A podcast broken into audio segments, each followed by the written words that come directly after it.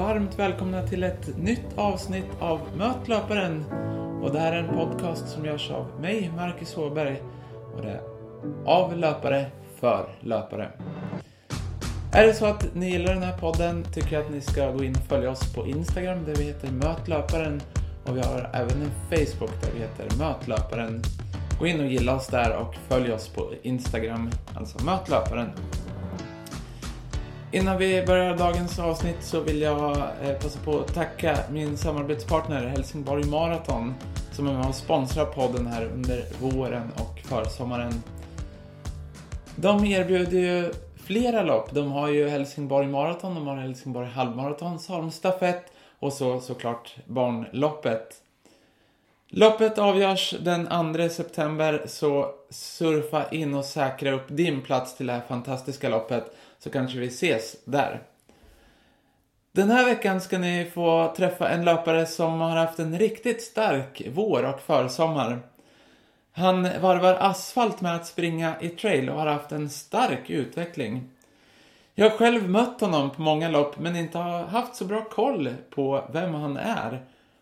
På Göteborgsvarvet slog han till med ett riktigt kanonlopp och eh, sprang in som tredje bästa svensk på loppet. Och nu ska ni få träffa honom. Jag pratar såklart om IFK Umeås Martin Nilsson. Han slog också till med att ta SM-guld på Eco Trail, eller Trail, 33 kilometer så sent som den här helgen faktiskt, den eh, 17 juni. För att lära känna honom bättre så bestämde jag ett möte med honom och snacka lite om hans träning, om vad som har gjort att det har gått så bra för honom och mycket, mycket annat. Jag ger er ingen mindre än IFK Umeås Martin Nilsson. Nu kör vi! Då tar jag och hälsar Martin Nilsson varmt välkommen till Mötlöparen. Tack så mycket. Hur är läget med dig? Jo, men det är ju bara bra med mig, tack. Jättespännande att göra podddebut idag. Ja, det blir, vi pratade om det innan. Det blir första gången som du är med i en podd. Precis. Så, ja, men det blir, det blir kul. Kul att du vill vara med också. Ja. Eh, jag brukar alltid köra samma första fråga i, i Mötlöparen. Som är... I det här fallet blir det ju Vem är Martin Nilsson? Så att du får presentera dig själv lite. Ja, hur mycket vill du veta? Eh, jag eh, har nyss fyllt 28 år. Jag är uppväxt i en eh, småstad i södra Sverige som heter Karlshamn. Men sen har jag flyttat runt ganska mycket och bor just nu i eh, Östersund. Där jag jobbar inom vården som undersköterska och utbildar mig till läkare. Och sen på fritiden så är ju ett av mina stora intressen att springa långt och fort. Och det är väl därför jag är här idag. Ja. V- Vad var det som gjorde att du flyttade norröver?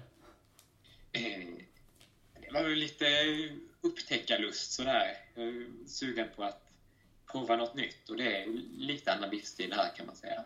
Vad är det som skiljer dig? Mm. Ja, men dels upplever jag att det finns en annan kultur, eh, särskilt om man kommer in på idrotts och föreningsliv så här att folk överlag är mer friska och ute mer i naturen.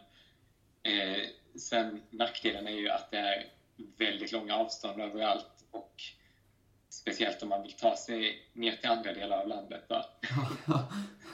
Men du har vant dig vid det, eller? Ja, det känns som jag har veckopendlat till olika tävlingar i Stockholm och Göteborg så här nu. Ja, för du har tävlat mycket nu senaste tiden? Ja, men det har ju blivit i alla fall fyra, fem senaste helgerna har jag varit ute på olika Hur, hur har det gått då? Eh, jo, men eh, oväntat bra. Det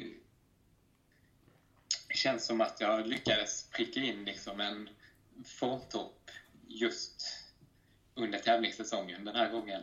Ja. Är det något du inte har eh, lyckats med tidigare? Du lät lite förvånad att du hade lyckats pricka in den nu.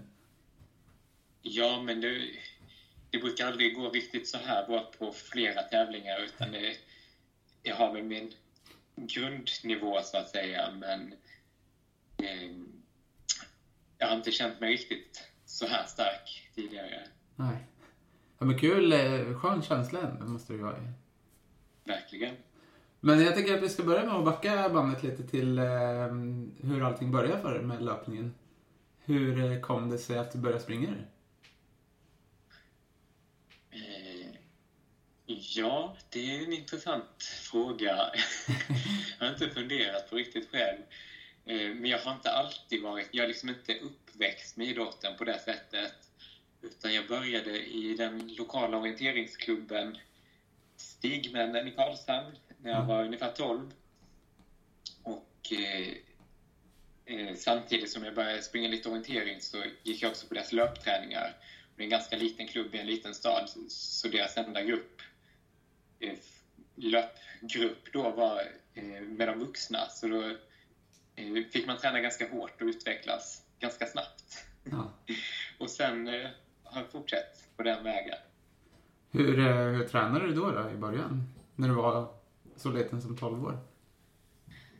Eh, men då blev det kanske 4-5 mil i veckan ungefär. Eh, Mm. så, ja, två, tre organiserade pass och två, tre på egen hand. Men hur har det trappat upp sen? Orienteringen, kör du orienteringen också? Eller Eh. mest... Ja, men jag har hela tiden tränat lite parallellt. Det blir ju ganska lika träning för orientering och långdistanslöpning. Vi gick också på orienteringsgymnasium till och med. Eh, Men jag fick ju inse att jag blev aldrig någon stor talang på det. Nej. Eh, Men jag håller fortfarande på lite vid sidan av, mer som en hobby. Ja. Är det mycket svårare att springa och läsa karta eller? Det blir ju lätt att jag bara springer och inte tänker på att hitta. Jag, jag förstår, jag har haft med några orienterare också tidigare och jag kan... Jag tränade med orienterare tid förut. Men jag var ju mest rädd för att tappa bort mig i skogen för att jag kan inte läsa karta liksom. Var det lite så du kände också? Ja, men ibland var det så här, och det var väldigt frustrerande.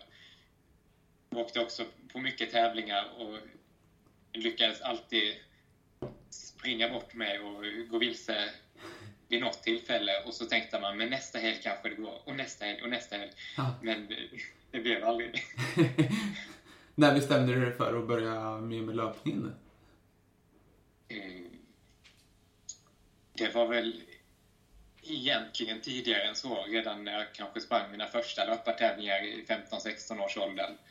Eh, Som jag förstod att jag var bättre på det och kunde springa ganska fort. Ja. Hur, hur, gick det, hur gick det då? Vad sprang du för distanser? Så här? Eh, Men det är ungefär samma som jag gör nu. Jag sprang lite så här lokala eh, gatlopp på 5 och 10 kilometer. Eh, jag kommer ihåg att jag sprang några halvmaraton innan jag ens hade fyllt 17. Eh, Ja. tyckte att det var en bra distans. Vad sprang du på då, för tider? Eller vad hade du? Eh, Och jag är så dålig på att komma ihåg tider. Jag tycker det är inte så intressant egentligen, men jag vill minnas att det var strax över 1.15 kanske. Ja. Det, det, det är skönt att du är lite som mig, att du har svårt att komma ihåg, jag har alltid svårt att komma ihåg årtal och sådär när man börjar springa och lite sådär. Eh, Ja. Det är skönt att vi är två i alla fall. Men hur har det rullat på sen då för dig? Från 15-16 år och sen, sen har du bara trappat upp träningen eller hur har du, hur har du lagt, upp, lagt upp det framåt? Ja, men precis. Under tiden på orienteringsgymnasium blev det ju ganska enkelt. Där fick vi serverat minst en träning om dagen. Eh, och det varierar lite också. På samma skola hade vi en friidrottstränare som eh, jag har bra kontakt med också. Ja. Eh, och sen efter det så har jag me- mest kört på, liksom på egen hand. Aldrig haft någon väldigt liksom inrutad plan utan mer kört lite på känsla. Ja. Eh, Vad kör du för pass då? Eller vad har du för grundplan som du har att utgå ifrån? Ehm, Jag försöker att träna någonting varje dag. Mm. Ehm, Sen, eh, tänk, sen bygger jag väl lite från att köra kanske två kvalitetspass i veckan. Jag har kört liksom ganska länge. Ofta ja, men någon typ av intervaller. Och sen kanske två eh, lite längre pass uppemot en och en halv, två timmar. Och sen därutöver blir det mer utfyllnad för att hålla uppe nivån. Liksom. Ja. Hur mycket mängd blir det som du kör? Och vad blir det på en vecka? Alltså jag tränar nog betydligt mindre antal mil än de flesta elitlöpare skulle jag säga. Ja. Eh, kanske 12-14 mil på en vanlig träningsvecka. ja. Men det är ändå relativt mycket. Alltså, Ja, men jag tycker det. När man har mycket annat vid sidan av också så hinner man inte så mycket mer. Nej, för du jobbar också heltid nu, eller? Eh, ja, jag jobbar deltid, Deltid. och sen så studerar jag. Nu är terminen precis slut, men det är ju heltidsstudier då på läkarutbildningen. Ja. Ja, då, då förstår jag. Då blir det inte så mycket tid som du får över till träningen kanske. Nej. Ja, då, eh, men du kör eh, även nu att du kör... Du har aldrig haft någon tränare eller så under tiden? Eh, nej, jag har haft lite olika personer i min närhet som har kommit med goda råd ibland, men eh, det var lite kul nu på Göteborgsvarvet när jag sprang så blev jag kallad till dopingkontroll och inskriven där så frågade de vem är din tränare då? ja. Ja, nej, det är väl jag. Och sen frågade de, ja, vem är din läkare? Ja, det är också jag. Men, eh, men det gick bra då? Ja, Ja. Men vi kanske ska ta det. Göteborgsvarvet gick det ju väldigt... Eh, eller det loppet gick ju väldigt bra för dig. ja, det är jag väldigt nöjd med. Ja. Hur, hur kände du inför? Jag vet att du och jag pratade med varandra innan va? Vi pratade om Ja, den, eh, det här loppet vi sprang på den där eh, halkbanan. Ja, Och du sa, det, det var sista gången jag sprang tråkiga lopp, kommer jag ihåg att du sa. Men det här loppet var roligt väl? Det var ju fantastiskt roligt. Eh, och jag tyckte bara innan så här, att bli inbjuden till den här elitgruppen och få liksom access till omklädningsrummet och så här och hade jag inte ens väntat mig. Eh, Men sen eh, körde jag en lite annorlunda strategi. Jag har ingen sån där uttänkt plan med kilometertid och så här. Jag har inte ens någon GPS-klocka. Men jag har alltid någon sorts strategi i huvudet. Och, så den här gången eh, körde jag stenhårt på att verkligen gå ut lugnt. Eh, och sen kunna öka mot slutet, för det är ju alltid roligast. Ja. Eh, och sen istället för att vända fokus inåt och liksom känna efter så mycket på min upplevelse så försökte jag rikta uppmärksamheten utåt eh, på den fantastiska upplevelsen och det enorma publikstödet som verkligen eh, spelar en stor roll för mig den här gången.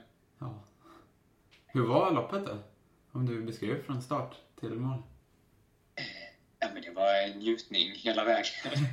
Eh, jag gick ut lugnt som jag hade planerat. Tänkte att jag hänger på de bästa damerna, för de räknar jag med att vara före in i mål. Eh, och så hängde jag på dem en bit, kanske 5-6 kilometer. Eh, och sen fortsatte jag liksom mitt tempo. Och efter ungefär halva banan där så kunde jag stegvis öka farten lite grann och börja springa ikapp löpare då som hade tappat, som hade gått ut lite hårt. Eh, och så tittade jag hela tiden runt omkring mig och log brett mot publiken som liksom hejade och lyfte fram mig verkligen. Ja. Hur var det sen när du kom ifatt dem? eh, För, rätta mig om jag har fel, men du kom ifatt eh, lås? Ganska... Precis, som de kom ifatt på de sista kilometerna där. Eh, så det blev ju en väldigt spännande och hård eh, kamp där om tredjeplatsen då i- bland svenskar. Ja. Men det måste väl vara... Jag tänker att ditt upplägg där är ju perfekt för att du får ju en väldigt positiv känsla. Om man jämför lås och din känsla så måste det ju vara att du kommer med, in i det här läget med en positiv känsla kontra att ha tappat i loppet. Är det så du tänkte innan också eller? Att ha... Ja, men precis. Man, har ju som, man får ju ett ganska stort psykologiskt övertag om man springer ikapp någon jämfört med tvärtom. Ja. Hur var känslan att komma in på Slottsskogsvallen? Eh, chockartat. det var ju verkligen inget som jag hade på något sätt planerat eller räknat med att det skulle gå så bra placeringsmässigt och också en tid som står sig ganska bra bland mina andra lopp. Ja. Men vad sprang du på i Göteborg? Där hade du... Då hade jag 1.07 och 58 tror jag.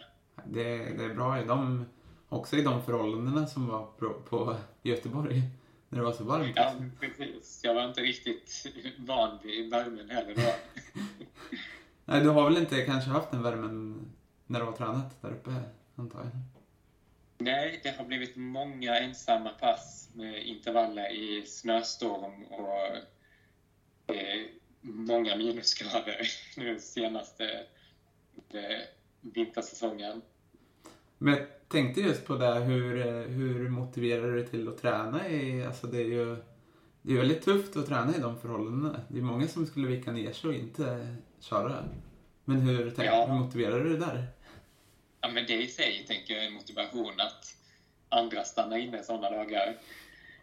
Um, och sen så är det väl om jag har ett sug efter ändå att komma ut och röra på mig och träna som jag känner. Och, eh, jag klarar inte av att springa på löpan. Det är alldeles för tråkigt.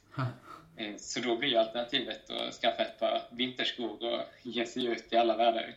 Vad har du för skor eh, som du springer i då? Är det såna Icebag eller vad kör du? Eller vad kör du? Mm. Ja, precis. Jag växlar lite. Jag har ett par Icebag och sen ett par Salomon Spike Cross. Ja, just det. Just det. Ja, men det, jag tänker också att det måste väl vara en styrka för dig när det kommer till lopp. Jag vet att jag pratade om det när jag blev intervjuad själv i förra avsnittet, men just att så här, du måste ju ha den styrkan att så här, om det är dåliga, sämre förhållanden så vet ju du att du klarar av att springa även i sämre förhållanden. Det måste väl vara en mental styrka, tänker jag.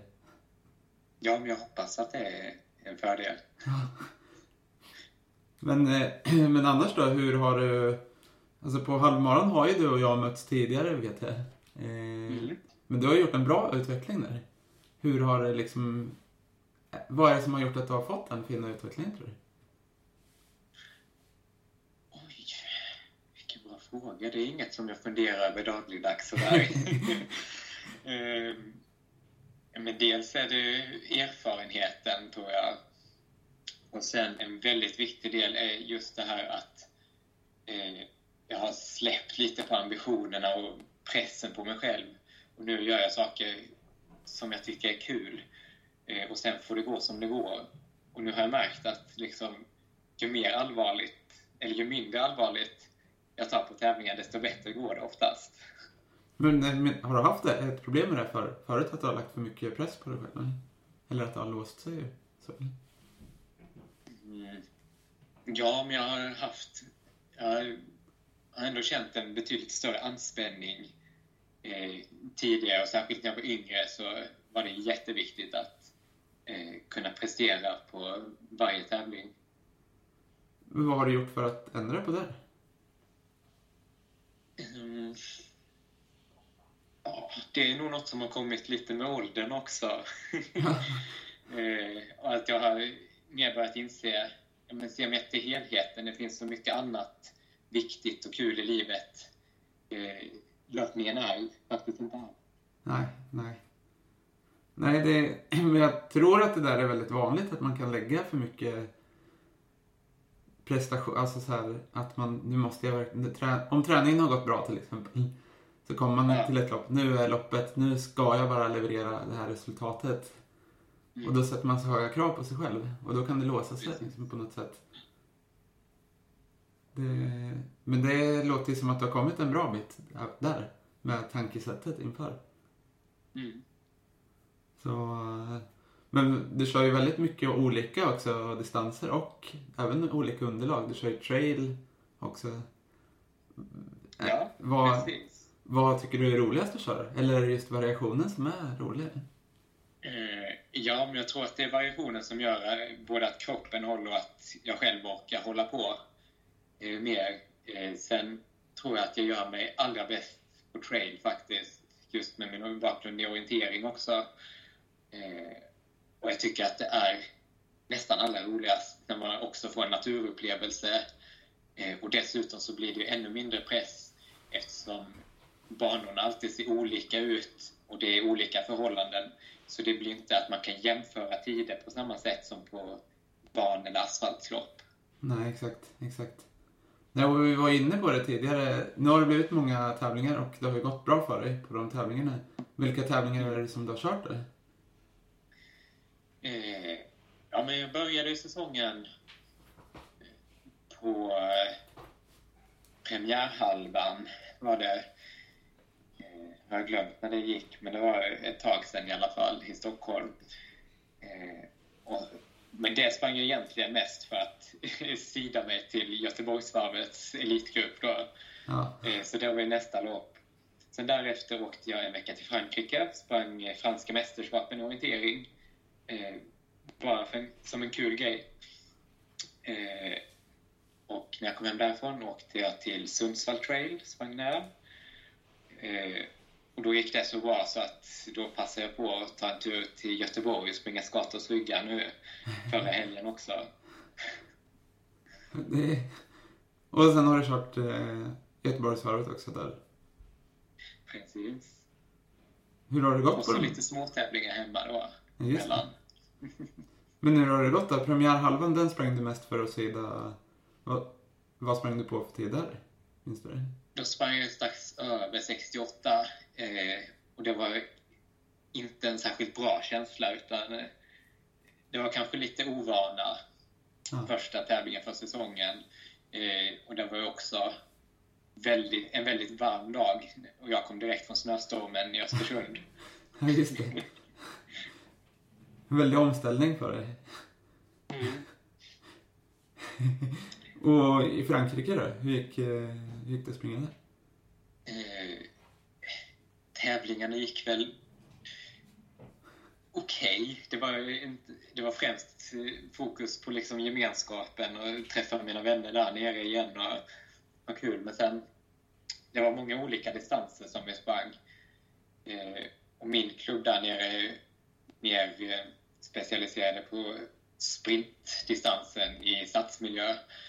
Eh, så där kom, hade vi ett lag som vann franska mästerskapen i sprintstafett. Jag sprang i andra laget som kom sexa. Så det var ändå, men det var ändå en bra. lite rolig merit. Ja. Men, men du har alltså en, eh, den klubben, så, är det en fransk klubb där som du tävlar för? Eller en svensk? Ja, men precis. Jag bodde nere i Provence för, och nu är det många år sedan, eh, men då fick jag kontakt med en orienteringsklubb där som fortfarande hör av sig när det är någon större tävling på gång och så ja. brukar jag åka ner någon gång om året. Ja.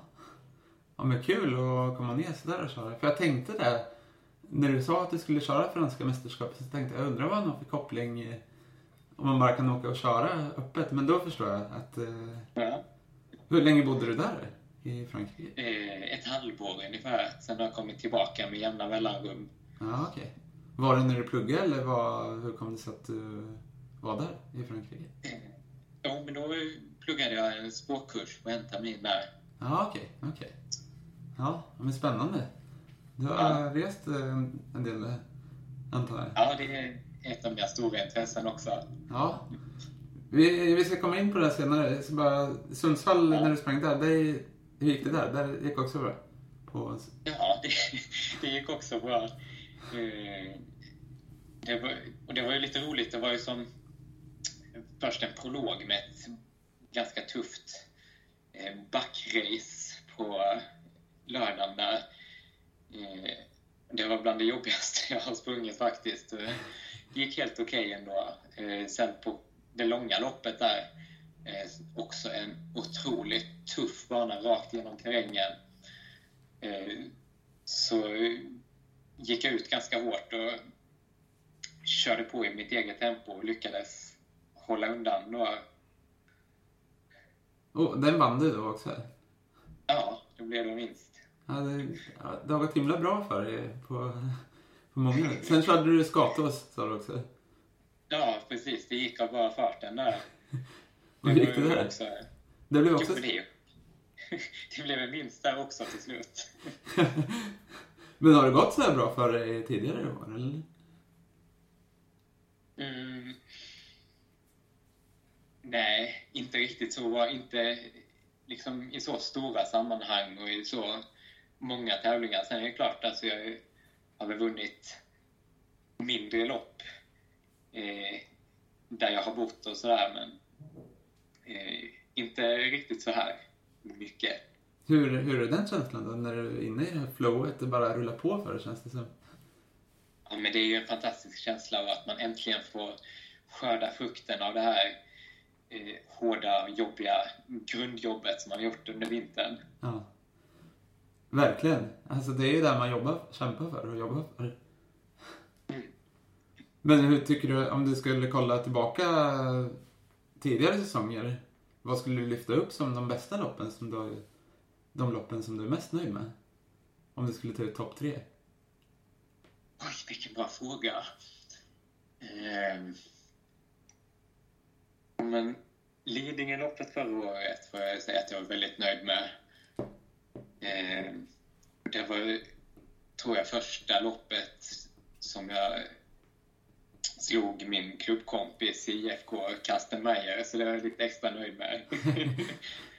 eh, så blev man lite lokalkändis här på köpet. Eh, sen är alltid Göteborgsvarvet ett av mina favoritlopp. Eh, så när jag sprang där senast, Eh, 2019, eh, var jag också en riktig höjdare. Det var mitt, ja, det var mitt personbästa. Ehm, och ett tredje lopp på tidigare säsonger. Eh, ja, men det kanske det är en rolig anekdot. När jag var, bodde nere i Frankrike då, så var jag runt på lite olika lopp. Ja, men det första loppet där sprang, det var något lokalt terränglopp på kanske 15 kilometer. Eh, tog jag bussen ut till någon liten by där. Eh, visste inte alls vad jag skulle vänta mig. Eh, och så lyckades jag vinna det loppet på något sätt. Och där vet de hur man firar en vinnare. Alltså det var eh, en helt otrolig upplevelse med uppståndelsen där. Och famn full med olika priser och liksom eh, bara den överraskningen var en riktigt häftig upplevelse. Ja, häftigt. Fick du med dig alla grejer på bussen tillbaka sen? ja, det var nätt och jämnt. Vad fick du för något? Eh, ja, men de är glada i så här stora, stora pokaler, ja. eh, stora blombuketter, eh, det var vin, det var choklad, eh, det var presentkort på två par skor och oj, allt möjligt. Vad fick du på Göteborgsvarvet då? Fick du vin där också? Eller? Nej. Nej, eh, det är inte riktigt så roligt i Sverige. Men eh, väl en prischeck på 600 euro. Ja, just det. Jag är liksom inte van vid prispengar alls kan man säga. Det var först när jag flyttade upp till Norrland också. Just här i Östersund är det ofta eh, skidklubbar som arrangerar loppen. Och de, de brukar ofta liksom dela ut prispengar och sådär, men det är ju inga större summor. Nej, just det.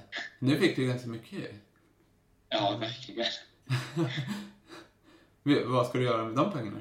Blir det någon resa, träningsläger eller vad, vad gör man med? Ja, jag tänker att det läggs på mitt träningsbidrag så att jag kan åka på ännu fler roliga tävlingar. Låter bra. Låter bra.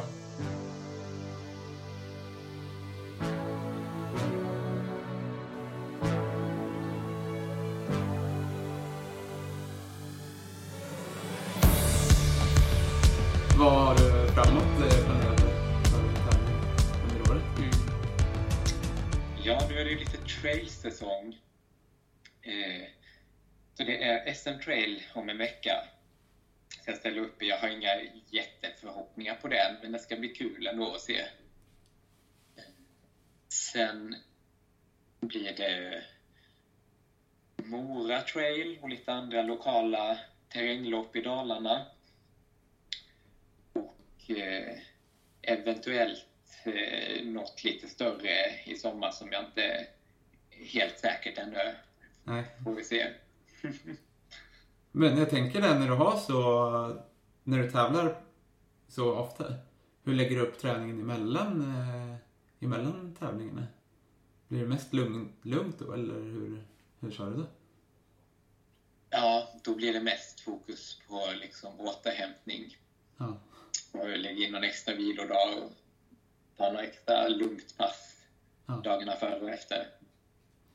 Men jag tänker också där du som jobbar, dels har du ju pluggat och jobbat deltid.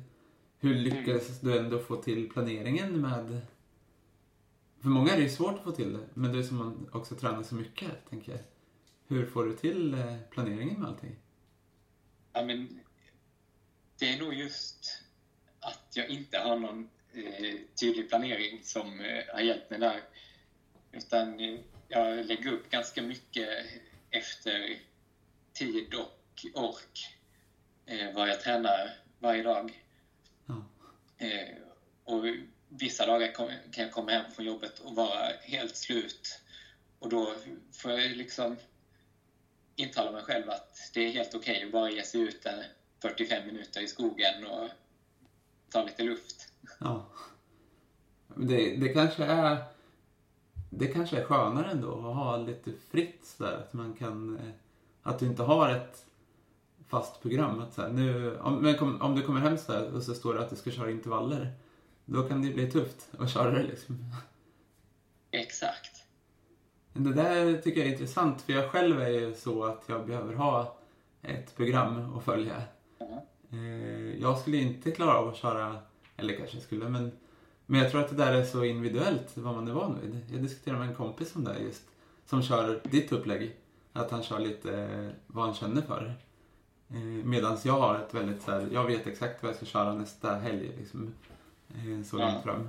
Eller framåt också. Men det är, hur, hur tror du man ska hitta det som passar för en? Hur hittar man det liksom? Precis. Ja, det är spännande hur olika det kan vara. Mm.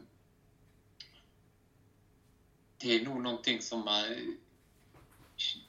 känner efterhand, tror jag. att eh, ja, men, Har man ett, en tydlig, tydlig plan med ett strikt schema och trivs med det, eh, om man är en sån person som gärna vill liksom ha, ha det, så trivs man med det.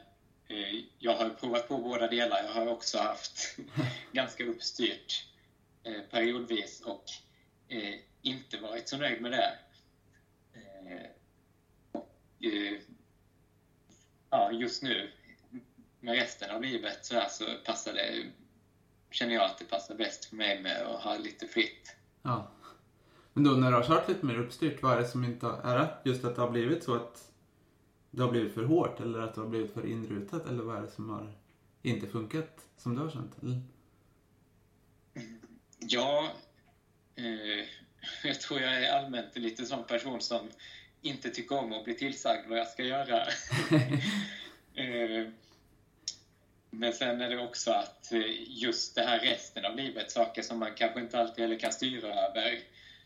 Eh, och att behöva anpassa det då. Men nu gör jag hellre tvärtom, att jag anpassar min träning efter saker som dyker upp i vardagen.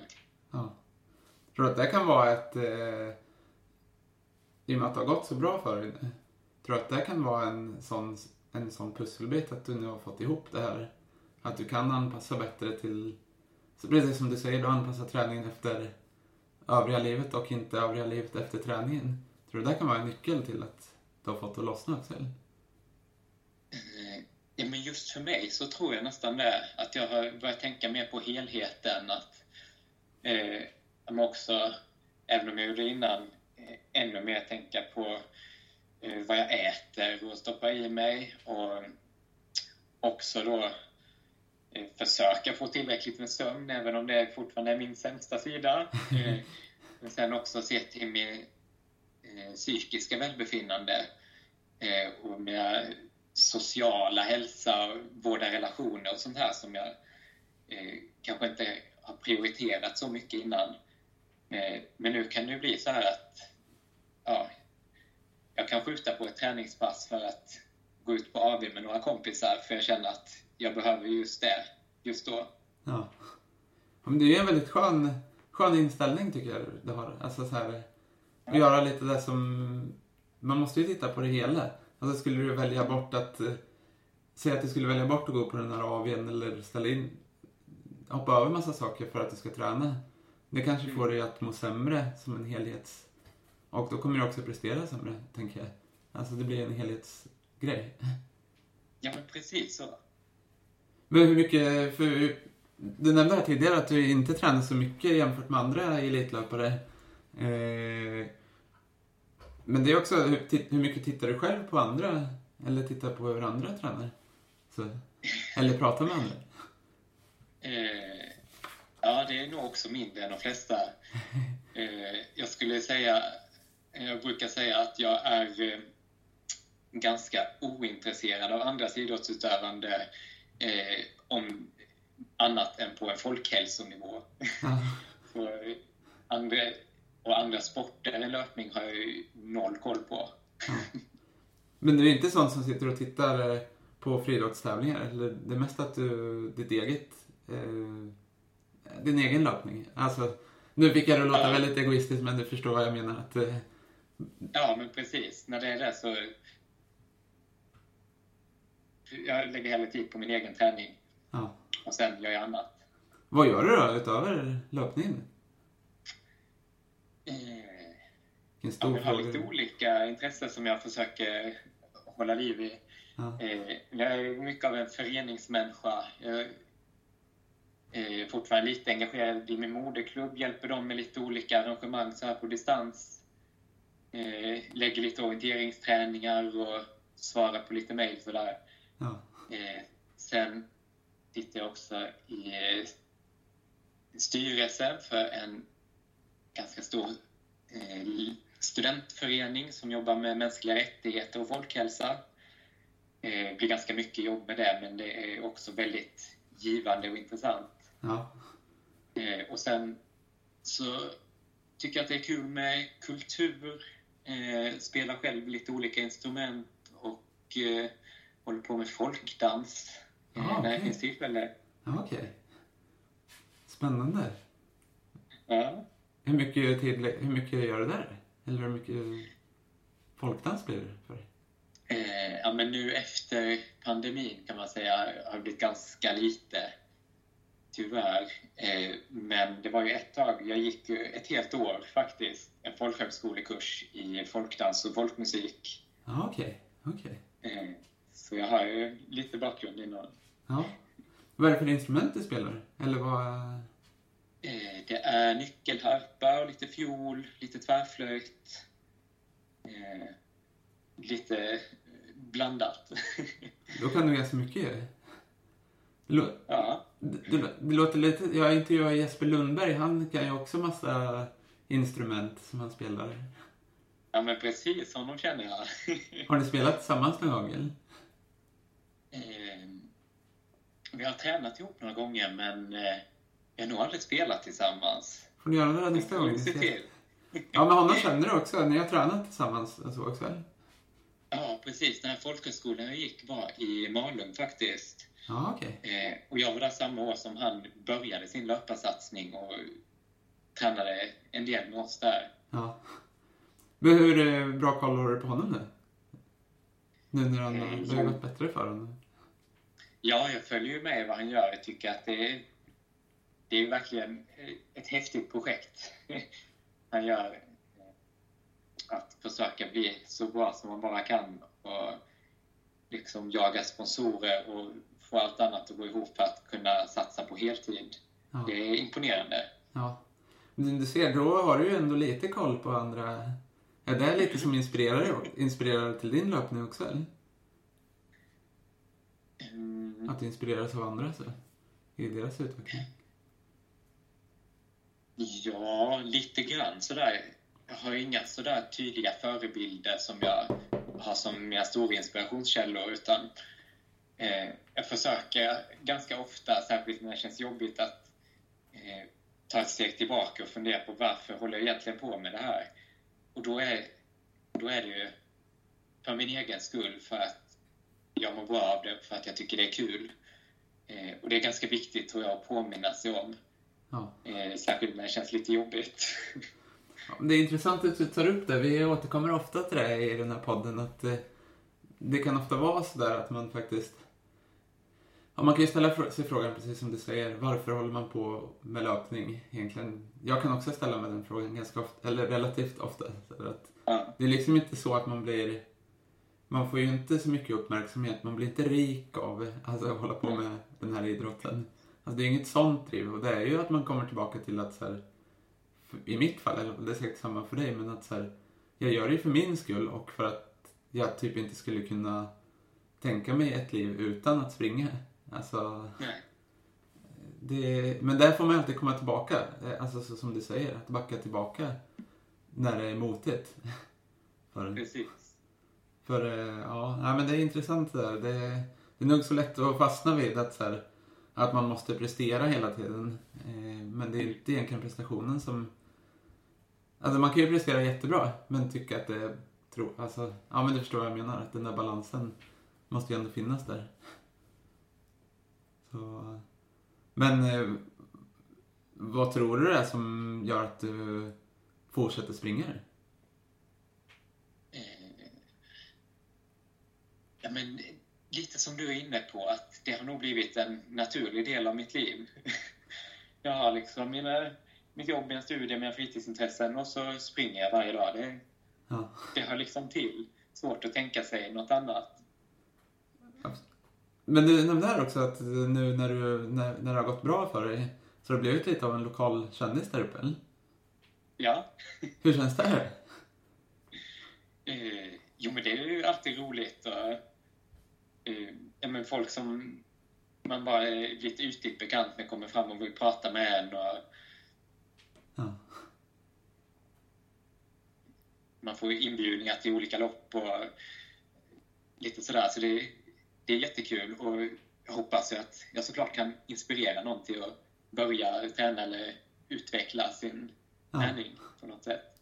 Vad säger folk då som kommer fram till dig? På... Ja, men de flesta är väl uttrycker väl någon sorts beundran eller att de är imponerade av eh, någon insats, någon lopp jag har sprungit eller sådär. Ja. Eh, och det är många, även de som kanske inte har koll på liksom, löpning överlag, som bara har sett mig i tidningen eller sådär, som tycker att det är roligt att någon de känner Ja. eh, lyckas så bra. Hur motiverande är det då? Alltså nu när du har kommit till den... Nu, alltså, att folk börjar känna igen dig också. Hur motiverande är det när du, precis som du sa, du har kämpat på med grundträningen och nu får du äntligen skörda frukt och sen att folk är positiva. Alltså det måste ju ändå ge en positiv våg för dig. Ja men verkligen, det är ju något som blir lite extra sådär. Eh, sen är det också, sen försöker jag vara försiktig med det att kändisskap, precis som pengar eller andra grejer, blir ju mer en extern eh, motivation. Mm. Eh, så jag försöker att inte lägga allt för stor vikt vid det ändå. Nej. Ja men det är, det är väl sunt det också. Jag tänker att det är ändå roligt att eh, folk uppmärksammar en på det sättet. Jättekul. Men man får se vilka som står där om det... Nu säger jag inte att det kommer börja gå dåligt för det, men när det vänder, vilka som kommer att motivera det ändå. Liksom, det brukar jag ofta tänka. Det, Precis. det, det är liksom... eh, Men vad skulle du säga är dina styrkor respektive svagheter som löpare? Mm. Ehm, jag tror att, att en styrka är ändå det här liksom avslappnade eh, glädjen, lite naiva inställningen. Att eh, det får gå som det går och jag är där mest för att ha kul. Ja. Eh, och sen kanske det är en svaghet just då att jag är väldigt ostrukturerad och liksom inte har någon koll, inga mätvärden, ingenting att utgå ifrån egentligen, eh, mer än det som dyker upp i huvudet. ja. Du sa här, eh, du har, du har ingen GPS-klocka utan du kör bara på, på tid och... Precis, alla mina lopp springer bara på känsla. Eh, samma grej när jag eh, ska ut och träna så kör jag ja, lite annorlunda. Att, eh, jag springer på tid, så jag bestämmer en tid. Idag vill jag springa 90 minuter, så får det bli så långt det blir mm. efter dagsformen. Ja. Hur vet du hur långt det blir? Mäter du upp eller hur? Mm, ibland mäter jag upp i efterhand för att se ungefär. Eh, men oftast så springer jag en runda och sen tänker jag inte mer på det. Nej. Men det är ju ganska skön eh, här, motreaktion till att många håller på med tröskel idag eller eh, mäter exakt puls och det ska vara väldigt uppstyrt. Mm. Där funderar jag också ofta på, jag kör ju inte med tröskel eller så, men jag tänker att det här med att, som du är inne på med känslan, hur känslan är, försvinner ju lite när man har en, trösk, alltså en tröskel eller mäter laktat och så vidare, tänker jag. Ja, jag tänker precis samma. Jag tror att det är något... Men det går ju att utveckla en känsla verkligen för... Jag kan nästan känna vilket tempo jag springer i. Ja. Eh, och... Eh, ja, jag tror att det... För mig är det ett väldigt bra sätt att lägga upp det på. Eh, jag tycker att det är jättetråkigt att planera och analysera, som du kanske har förstått. ja. Men jag tänker i ditt jobb som inom sjukvården, är det, där måste det väl vara mycket mer struktur i ditt jobb, tänker jag. Nu får du rätta mig om jag har fel, men jag tänker att det blir väl en skön kontrast för dig då att ha lite mer avslappnat, att inte ha så uppstyrt i träningen. Mm. Det är en bra tanke. och det krävs, eh, absolut, det krävs eh, mycket mer struktur och det finns liksom Eh, checklistor och eh, formulär och allt möjligt. Olika hjälpmedel för att hålla den här strukturen.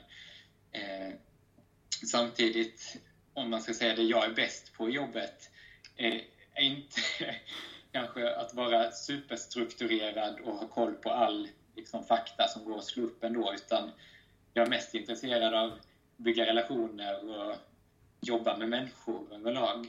Ja, ja. Eh, det är lite mer eh, spontana. Ja, just det. Just det. Jag tycker det där är intressant för jag intervjuade i tidigare avsnitt Rebecca Axelsson också som jobbar som analytiker. Eller dataanalytiker. Som var inne på samma sak som du är inne på. Hon mätte inte sin träning utan hon körde mer spontant. Eh, som du kör mm. också. Tänker att det går i samma linje liksom. Som att här, man har väldigt uppstyrt kanske på sitt jobb. Då vill man ha det lite mer avslappnat utöver eh, och kunna göra lite, ha lite frihet. Så, tänker jag. Ja, men precis. Det är ju väldigt avkopplande och löpning eh, blir som en typ av mindfulness nästan. Exakt. Eh, och det är ju där liksom tankarna verkligen kan flyga iväg. Och ofta får man ju också sina bästa tankar och idéer ute på just ett löppass. Ja. Men kör du, har du några du kan träna med eller kör du mest eh, träningen själv? Eller? Mm, jag tränar nästan bara själv. Eh, sen på, eh, på vintersäsongen särskilt eh, så har vi ändå ett gäng tränare med Trångsvikens IF här uppe.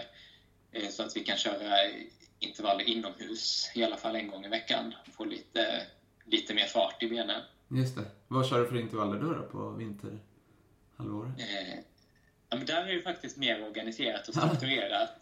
Eh, så där är det som en 200 meters bana, så det brukar bli ja, olika typer av lopp mellan 200 upp till 1000 meter.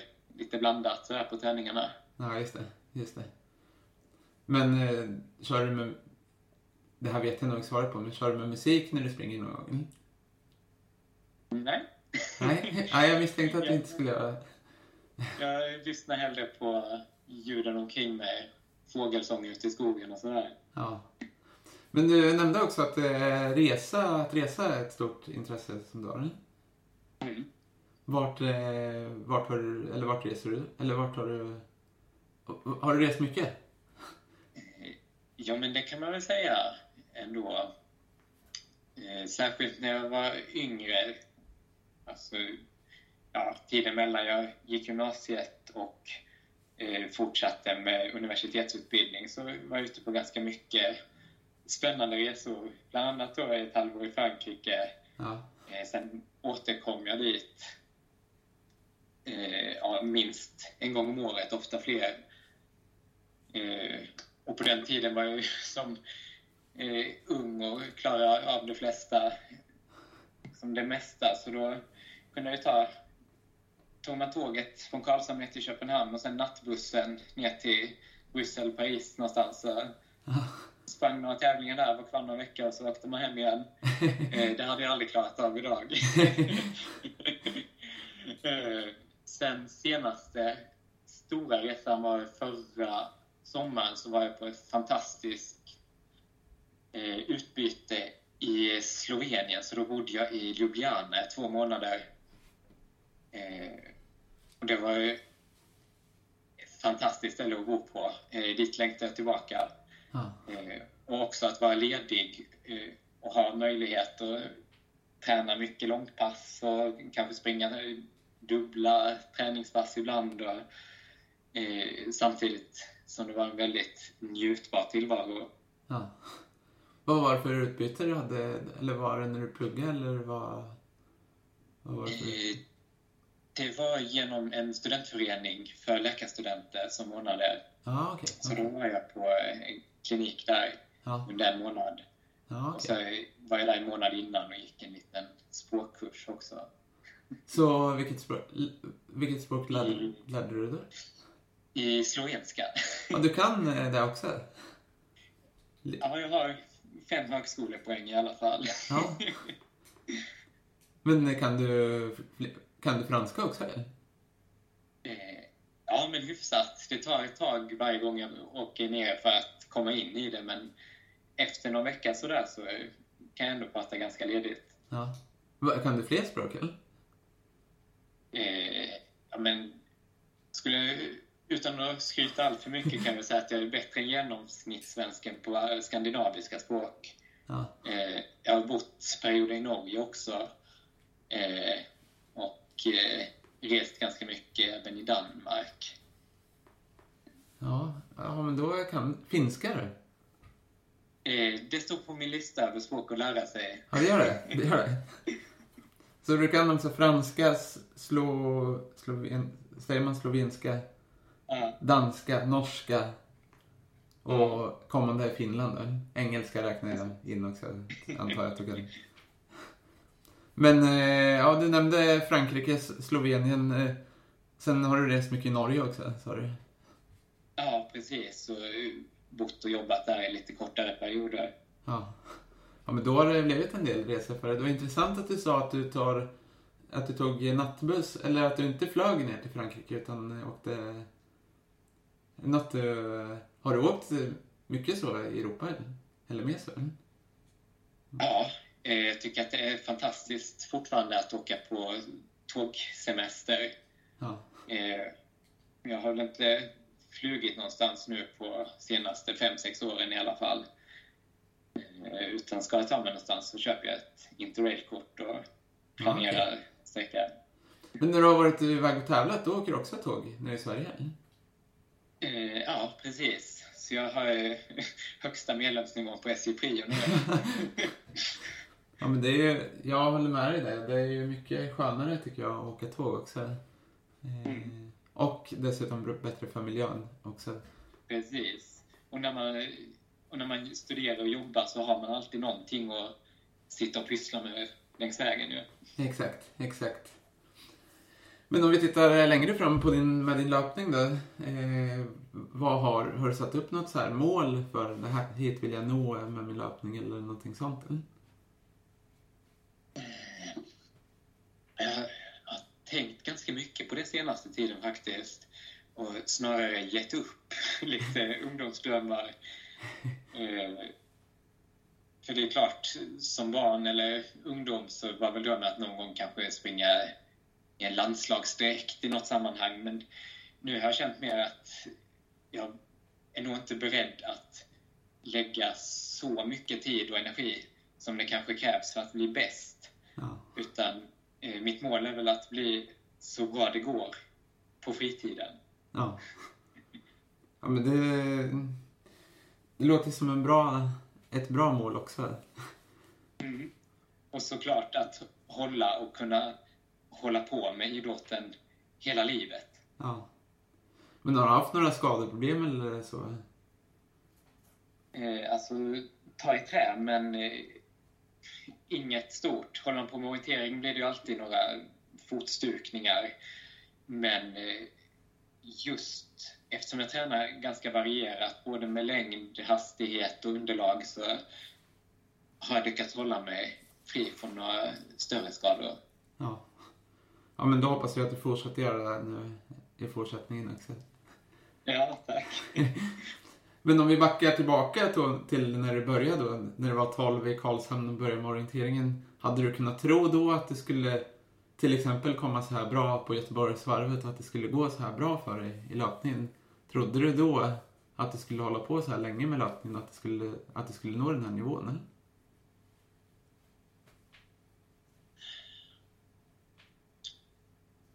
Nej, när jag började hade jag inga sådana ambitioner eller tankar alls. Eh, och inte heller, det var inte heller något vi fostrades in i klubben utan eh, det var viktigast att göra saker för att det är kul och hålla på eh, hela livet. Ja.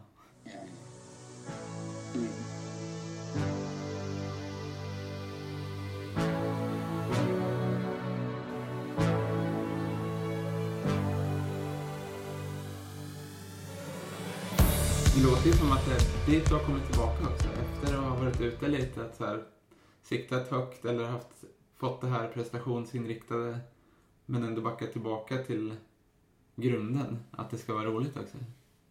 Ja, det har du rätt i. Cirkeln är sluten. Precis. Precis. Så, ja. Så nu, har det kommit, nu är cirkeln sluten, så att säga. Och det är kanske det som har blivit nyckeln till att det har gått bra för dig, återigen. Ja, alltså när man ser det på det sättet så kan det då vara det att jag lyckas hitta tillbaka till eh, ren glädje och att eh, ja, bara göra det för att, eh, för att jag vill, för att det är kul. Ja. Hur länge tror du att du kommer springa? Eh, tills jag dör. Ja, det var ett eh, tydligt svar. Ja, jag brukar säga det, jag hoppas ju att liksom pika när alla andra har lagt av, kanske runt 60-70 där någon gång. Så då kommer du vara med på typ eh, så veteran-VM eller någonting sånt? Precis. ja, det, det ser jag fram emot att se när du ja. är kvar. Men känner du att det är någonting vi har eh, missat här i vårt samtal eller som du vill lyfta?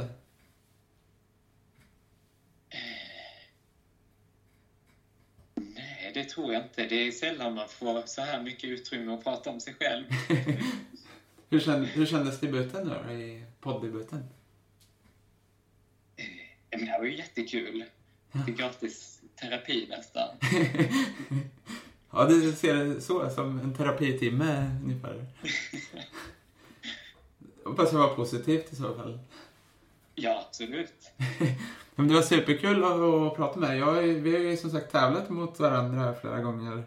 Men jag har inte känt till dig. Jag tänker alltid varje gång när jag har mött dig och jag ser att det står IFK Umeå. Shit, den här killen har åkt riktigt långt för att springa det här loppet. ja. Brukar folk säga det till dig också? Eller? Jag hörde att någon sa det, att du har åkt riktigt långt på Göteborgsvarvet tror jag. det, det får man ofta höra, att man är långväga ofta är det också någon som har någon sorts anknytning till Umeå som tycker att det är kul. Ja, okej. Okay. Hur, hur, hur länge har du tävlat för IFK Umeå då? Eh, det var sen jag började, flyt, började studera och flyttade dit för fem år sedan nu. Ja. Hur är, det, hur är gemenskapen där i klubben? Eh, jo, men det är bra. Särskilt, nu bor jag ju inte i Umeå längre, men eh, när jag var där så var vi också ett stort gäng med många duktiga löpare som tränade hårt tillsammans. Ja. Så det var fantastiskt. Men jag upplever fortfarande ett väldigt bra stöd från klubben och varje gång man kommer tillbaka eller pratar med dem så alla väldigt liksom, glada och entusiastiska. Ja. Men det måste ju också, nu när det har gått bra, att du har blivit mer uppmärksammad också, att eh, då ger du ju tillbaka lite till klubben, tänker jag, till eh, IFK Umeå som förening. Ja, jag hoppas det. Ja. Men det är Östersund, hur långt är det mellan Umeå och Östersund? Ja, längre än man kan tro. Eh, det är väl ungefär 40 mil. Det tar drygt fem timmar att köra bil. Ja, det är ganska långt det. Men du är ju van vid långa sträckor nu, så eh, Ja, för mig låter det jätte, jättelångt. Eh, Men för dig kan, du är ju mer van vid de långa sträckorna. Ja med norrländska mått är det ganska... Hur länge tror du att du kommer bo kvar där uppe då? I norr? Ehm, ja, men nu blir jag färdig med studierna i nästa årsskifte. Ehm, sen har jag väl känt att just det här klimatet som är här uppe är kanske inte det bästa ändå om man helst vill springa mycket. Ehm, så planen är nog att flytta någonstans söderut efter det. Ja. Ja, då får vi se vart du hamnar helt enkelt. Ja, det blir spännande tycker jag med. Ja, men jag tackar återigen för att du ville vara med och det var superkul att lära känna dig lite mer. Nu vet jag mer om dig Tack. till Ja. nästa tävling. För nästa, nu satsar du mer på trail lät det som. Ja, det blir lite trailsäsong nu. Sen kommer jag åter till Stockholm halvmaraton. Just det, i september kanske. Mm. Har du något mer större lopp eh, inplanerat eller? Eh, Lidingöloppet är också en favorit som jag återkommer till. Ja. Eh, sen blir det mest trail och så kanske något lite större i sommar. Vi får se. ja. Men eh, är det just eh, 10 kilometer och eh, halvmaraton, du är inte sugen på att gå upp i distans sett till löpningen? När jag blir äldre och ännu långsammare så har jag väl inget val. Nej. Nej, men du kanske kommer vara snabb på maran också relativt sett. Tänker jag. ja, men jag tänker det. Exakt. Ja, men jag får eh, önska dig stort lycka till på tävlingarna framåt. Så ses vi väl kanske på uh, Lidingöloppet. Ja, men tack så mycket. Hoppas att vi ses på några flera lopp framöver. Ja, men det gör vi säkert. Jag, jag får försöka ta din rygg på Lidingöloppet och hålla den så länge Ja. jag kan. Det blir spännande. Ja, får vi se hur det går. Tack så mycket för idag. Tack ska du ha. Ha det så bra. Hej då. Tack så mycket för att du har lyssnat på detta avsnitt av Mötlöparen som görs av mig, Marcus Åberg och det, i det här avsnittet fick ni träffa ingen mindre än Martin Nilsson. Och jag önskar Martin stort lycka till under säsongen och kommande säsonger framåt. Och vi ses kanske på något lopp framöver. Kanske på Lidingöloppet, vem vet? Vi får se helt enkelt. Är det så att du gillar den här podden tycker jag att du ska gilla oss, eller, gilla oss på Facebook där vi heter Mötlöparen och även följa oss på Instagram där vi heter Mötlöparen. Och mitt namn är Marcus Åberg och mig kan ni följa på Instagram där jag heter Aberg Marcus. Kika in där och följ mig. Och kom gärna med tips på vem du skulle vilja höra i podden.